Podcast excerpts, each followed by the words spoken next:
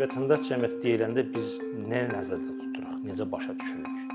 Bəzən bu vətəndaş cəmiyyəti deyəndə çox dar mənada nəzərdə tutulur, yəni qeyri-hökumət təşkilatı deyə kimi nəzərdə tutulur və bəzən də bu belə deyək, manipulyasiya olunaraq ya düzgün istiqamətə təqdim olunmayaraq e, hökumət əleyhinə bir qurum kimi təqdim olunur. Əslində vətəndaş cəmiyyəti deyərkən biz gəlir gətirmə məqsədi olmayan, insanların könüllü surətdə birliyi olan bir qurum nəzərdə tutulur, bir birləşmə nəzərdə tutulur. Bu nəyə dayanır? Həm Azərbaycan konstitusiyasına görə birləşmə azadlığına dayanır, həm də beynəlxalq konvensiyalara olan birləşmə azadlığına dayanır. Yəni Azərbaycan dövləti də onlar qarşısında, beynəlxalq qurumlar qarşısında öhdəlik götürüb və bu təminatı həyata keçirdir.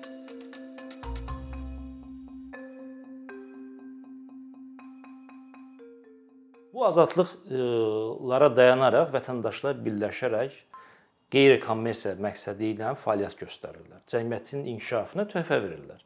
Burada bu fəlsəfi yanaşmaya görə biz burada ayırmalıyıq. Yəni dövlət sektoru var, var biznes sektoru, bir də var vətəndaş cəmiyyəti sektoru. Yəni vətəndaş cəmiyyəti deyəndə çox geniş məna nəzərdə tutulur. Burada yəni həm qeyri-hökumət təşkilatları ola bilər, həm həmkarlar ittifaqı ola bilər, həm ayrı-ayrı assosiasiyalar ola bilər, həm media sektoru ola bilər. Hətta bu fəlsəfi yanaşmada bəzən bu vətəndaş cəmiyyətinə geniş baxanda onun içərisində siyasi partiyalar da nəzərdə tutula bilər. Çünki siyasi partiyaların da gəlir gətirmə məqsədi yoxdur. Sadəcə olaraq siyasi partiyalar hakimiyyət uğrunda mübarizə apardığı üçün əslində bunun ayrılması daha doğru olar. Və e, mən hesab edirəm ki, əslində dünyanın inkişaf etmiş ölkələrində, həm də cəmiyyətlərində vətəndaş cəmiyyəti deyərkən dövlət burada münasibətlərini öz pozitiv və neqativ öhdəliklərinə görə müəyyənləşdirir. Yəni əslində dövlətin neqativ öhdəliyi odur ki, o birləşmə azadlığını tanıyır, ona təminat verməlidir və insanların fəaliyyətinə müdaxilə etməməlidir. Yəni onların hüquqlarını bu və ya digər şəkildə e, məhdudlaşdırılmamalıdır. İndiki Azərbaycanda bunu təəssüflər olsun ki, qeyri-hökumət təşkilatları haqqında qanun vasitəsilə məhdudlaşdırılıbdır. Yəni əslində konstitusiyada və beynəlxalq konvensiyada bu azadlıqlar verilirsə, ona əlavə qanun gətirilirsə, spesifik qanun, bu deməkdir ki, müəyyən məhdudiyyətlər yaradılır. Biz baxsaq normal inkişaf etmiş ölkələrdə, məsəl üçün götürək Almaniya Federativ Respublikasında, orada fəaliyyət üçün sən mütləq qaydada birləşib gedib hansısa bir dövlət qurumuna müraciət edib qeydiyyatdan keçmək zorunda deyilsən. Sən fəaliyyət göstərə bilərsən. Sadəcə olaraq sən fəaliyyət göstərən zaman hər hansı bir formada maliyyə əməliyyatı həyata keçirdəcəksənsə, bu zaman sən vergidə gedib qeydiyyatdan keçməlisən və artıq orada məlumatını göstərməlisən. Amma sənin bunun üçün mütləq qaydada bir ictimai birlik olaraq hardansa qeydiyyatdan keçmək zorunda deyilsən. Düzdür, Azərbaycanda da e, yəni sənin qeydiyyatçız fəaliyyətin üçün rəsmi olaraq hər hansı bir formada qadağalar yoxdur. Yəni sən birləşmə hüququna istinad edərək bu fəaliyyət göstərə bilərsən. Sadəcə olaraq qanunun yaratdığı məhdudiyyətlər var ki, sən e, qeydiyyatdan keçmədən o e, imkanları əldə etmək e, gücündə deyilsən, əldə etmək reallığında deyilsən. O nöqteyi nəzərdən də sən bu mərhələləri aşmalısan. İndi biz baxsaq Azərbaycan vəziyyətində təəssüf ki, e, yəni mövcud olan həm bürokratik əngəllər, həm mövcud olan qanunların düzgün işlənməməsi, yəni düzgün tətbiq olunmaması, eyni zamanda 2013-14-cü ildə tətbiq olunan qanunvericiliyədəki ciddi məhdudiyyətlər faktiki olaraq vətəndaş cəmiyyətinin fəaliyyətini iflic edib yəni yerli vətəndaş cəmiyyəti onların fəaliyyəti üçün imkan yaradan belə deyək də maliyyə resurslarının, fondların da fəaliyyətini faktiki olaraq qadağan edib və böyük əksəriyyət Azərbaycanı tərk edib. Yəni burada dövlət özü üzərinə öz öhdəliyini icra etməlidir. Konstitusiyada təsbit etdiyi və dövlət yetkililəri Azərbaycan vətəndaşlarına verdikləri vədlərdə ki, qanunun icrasına təminat baxımından prezident and içib və qanunun icrasında bütün hüquqi qaydalara əməl edəcəyini bəyan edib. Buna görə də vətəndaşların bu birləşmə azadlığını təmin edən e, belə deyək, öhdəliklərini icra etməlidir dövlət. Eyni zamanda buna mane olan dövlətin neqativ öhdəliyindən doğan o məhdudiyyətləri aradan qaldırmalıdır. İkinci bir baxımdan dövlət pozitiv öhdəliklər olaraq vətəndaş cəmiyyətinin fəaliyyəti üçün istər mühitində, istərsə də belə deyək, hüquqi baxımdan bazasında yaxşılaşmalar həyata keçirməlidir.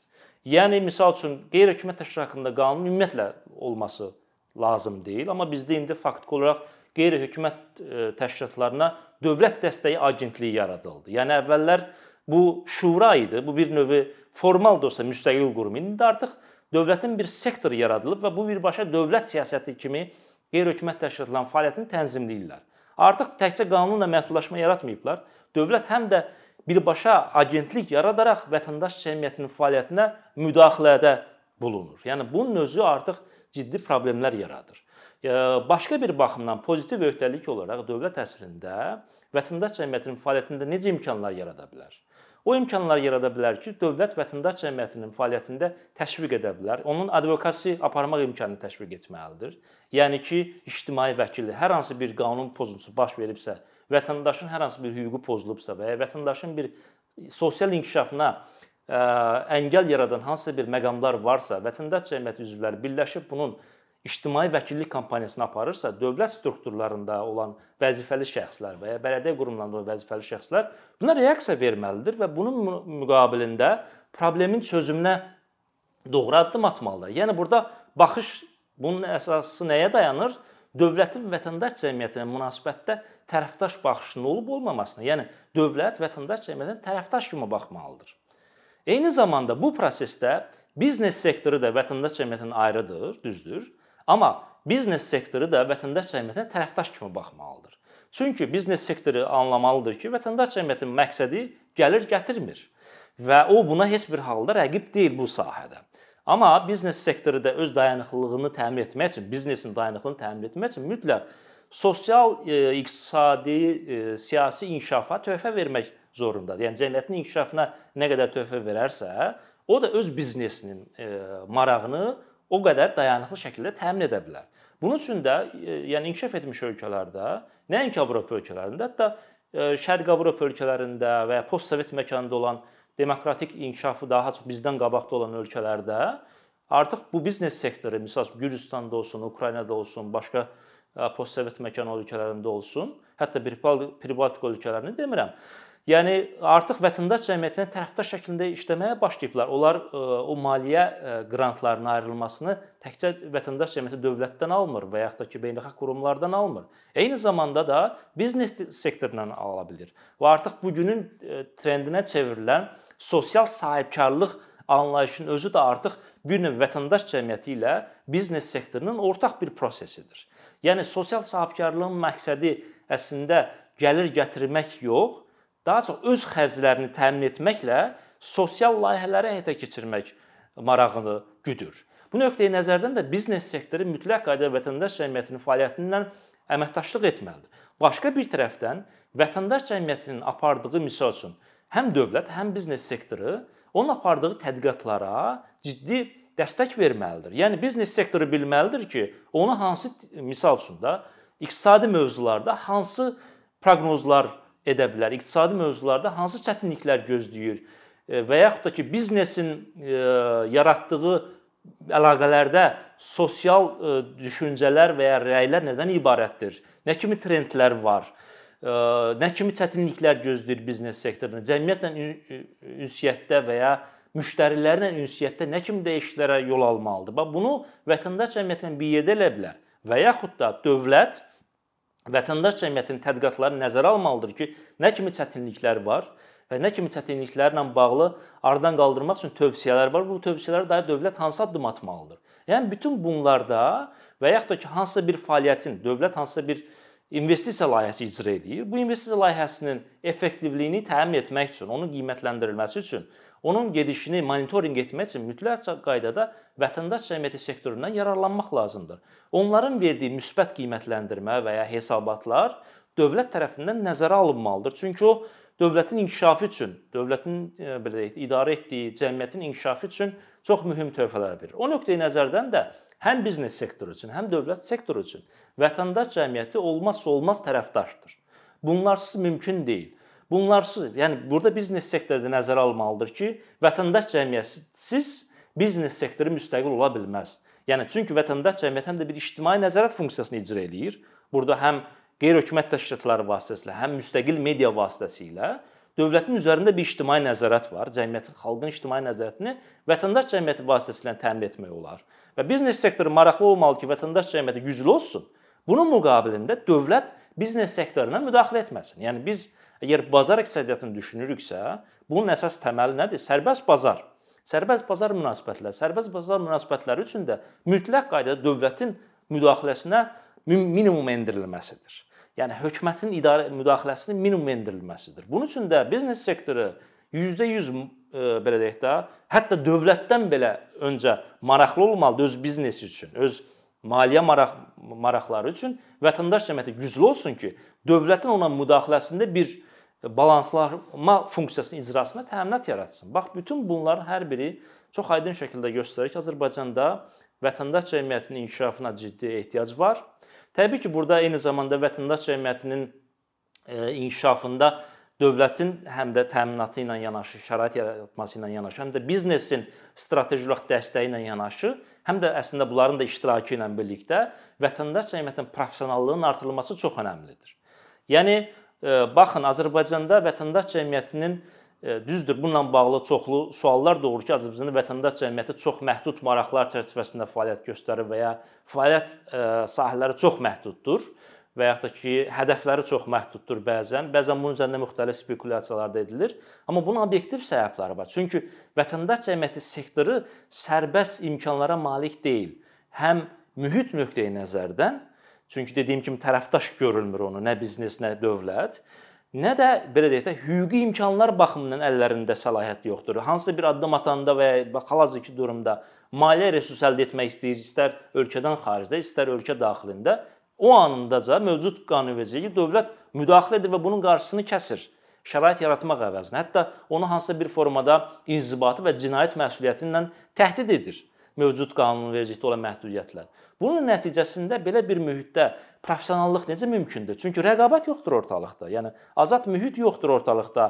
Yəni o zaman inkişaf olur, keyfiyyət olur, keyfiyyət göstərmə olur ki, orada mühit var və orada rəqabət var və bu rəqabətin nəticəsində biz keyfiyyət göstəricilərini təmin edə bilir. Yəni əvvəlcə bir kəmiyyət göstəriciləri təmin olunmalıdır ki, bu kəmiyyətin mübadiləsi nəticəsində keyfiyyət göstəriciləri çıxsın ortalığa. Ona görə də bax bu həm də vətəndaş cəmiyyətinin professionallığını azaldır. Vətəndaş cəmiyyətinin professionallığının azaldılması həm də onun dayanıqlığının təminatına ciddi şəkildə əngəl olur.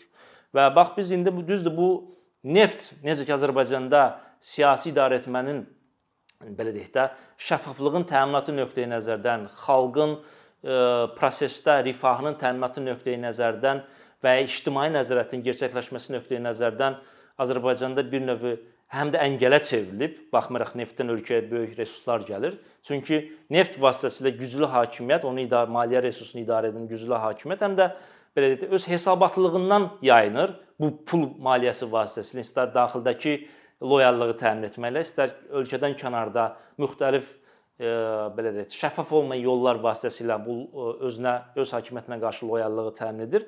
Bunun nəticəsində bax bu neft həm də vətəndaş cəmiyyəti sektorunun inkişafına ciddi şəkildə əngəl törədir. Çünki niyə? Sadə göstərək. Məsəl üçün, əgər Azərbaycan tipli ölkələrdə əslində, hətta postsovet ölkələrində, yəni yeni yetişən gənclər, xaricdə təhsil alan gənclər özlərini daha çox vətəndaş cəmiyyəti sektorunda tapa bilərdi.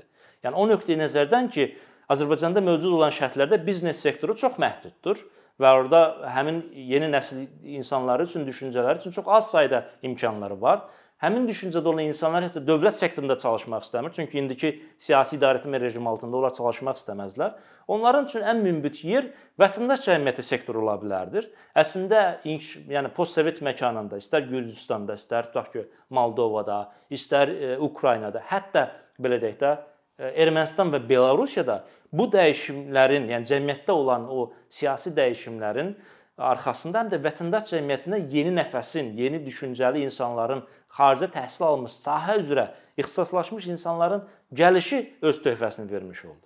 Azərbaycanda isə bu gəlişin imkanları məhduddur. Çünki qadağalar var, risklər var və inkişaf e, üçün heç bir mühit yoxdursa, onlar özlərini burada tapa bilməzlər. Tutaq ki, neftin yaratdığı beynəlxalq korporasiyalarda BP kimi və ya başqa şirkətlərdə özlərinə belə deyək də həm iş mühiti baxımından daha uyğun yer tapırlar, həm də maliyyə əldə etmə nöqteyi nəzərdən, fərdi karyeraların inkişafı nöqteyi nəzərdən özlərinə daha bir məhdud imkan tapırlar. Bu isə həm də cəmiyyətin ictimai siyasi inkişafına neqativ mənada çox ciddi təsir göstərir və nəsil dəyişiminin özündə də çox ciddi məhdudiyyətlər yaradır. Hal-hazırda biz misal üçün bir təşkilat olaraq e, yeni nəslin vətəndaş cəmiyyəti aktivitetəsinə qoşulması ilə məşğuluq. Amma burada da ciddi bu mühitin olmaması, belə deyək də, qanunvericiliyə olan məhdudiyyətlər o keyfiyyətin artırılmasında xeyli məhdudiyyət yaradır.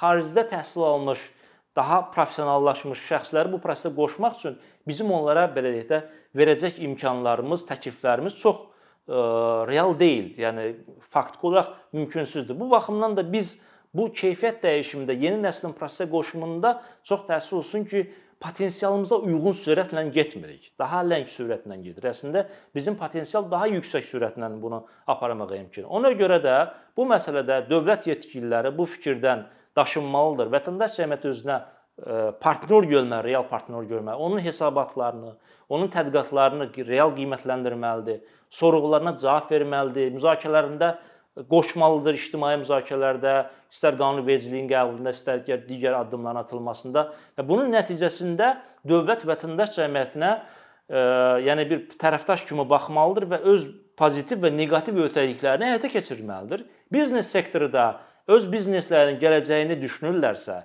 dayanıqlığını düşünürlərsə, Yəni cəmiyyətin inkişafına töhfə verməlidirlər. Vətəndaş cəmiyyətinə əməkdaşlıq etməlidir. Qorxmalı deyillər. Düzdür, indiki şəraitdə siyasi nədənlərdən qorxurlar ki, mən birdən vətəndaş cəmiyyətində işləsəm, dövlət deyər sən siyasətə qarışırsan və mənim biznesimə müdaxilə edər. Bu faktorlar ciddi surətdə öz təsirini göstərir. Amma başa düşmək lazımdır ki, müxtəlif formada heç siyasi mövzular olmasın. Digər cəmiyyətin inkişafına təsir edən sosial mövzularda belə heç olmasa biznes sektoru müəyyən mənada bir dəstək verməlidir ki, cəmiyyət nə qədər inkişaf etmiş olarsa, nəticə etibarilə də onların biznesinin dayanıqlı o cür şəkildə təmin etmiş olar.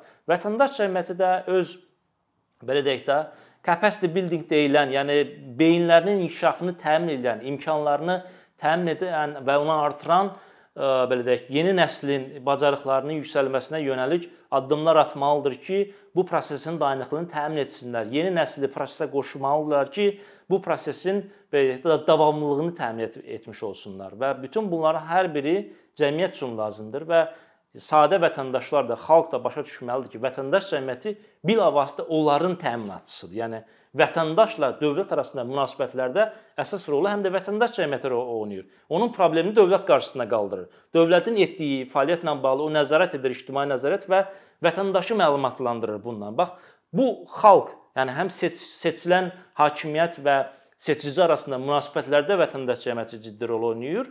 Həm də belə deyək, e, hər bir vətəndaşın inkişafı üçün və də eyni zamanda dövlətin inkişafı üçün vətəndaş cəmiyyətinin önəmi çox əhəmiyyətlidir və buna görə də biz bu prosesdə öz töhfəmizi verməliyik.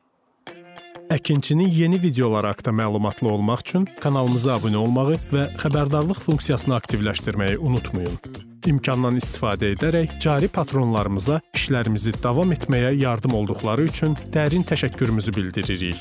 Əkinçinin Patreon icmasının üzvü olaraq siz bizim təşəbbüsə dəstək göstərməklə bərabər hazırladığımız materialları hər kəsdən öncə izləmə imkanı əldə edəcəksiniz.